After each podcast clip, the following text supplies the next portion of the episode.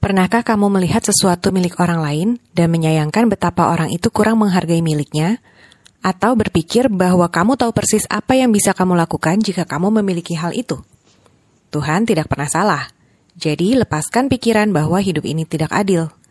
Kamu tidak diberikan kehidupan seperti itu karena kamu sudah paham dan tak perlu lagi menjalani ujian itu. Kamu diberikan kehidupan yang kamu jalani sekarang karena inilah pelajaran hidupmu saat ini sesuatu yang terasa asing dan sulit bagimu, karena lewat kesulitan itulah kita bertumbuh dan menjadi dewasa secara spiritual. Jika kita terus menghindari ujian kehidupan, kita akan tetap berada di tingkat yang sama. Lewat ujian, kita belajar melampaui cara berpikir lama dan terus beradaptasi mengembangkan diri seiring berjalannya waktu.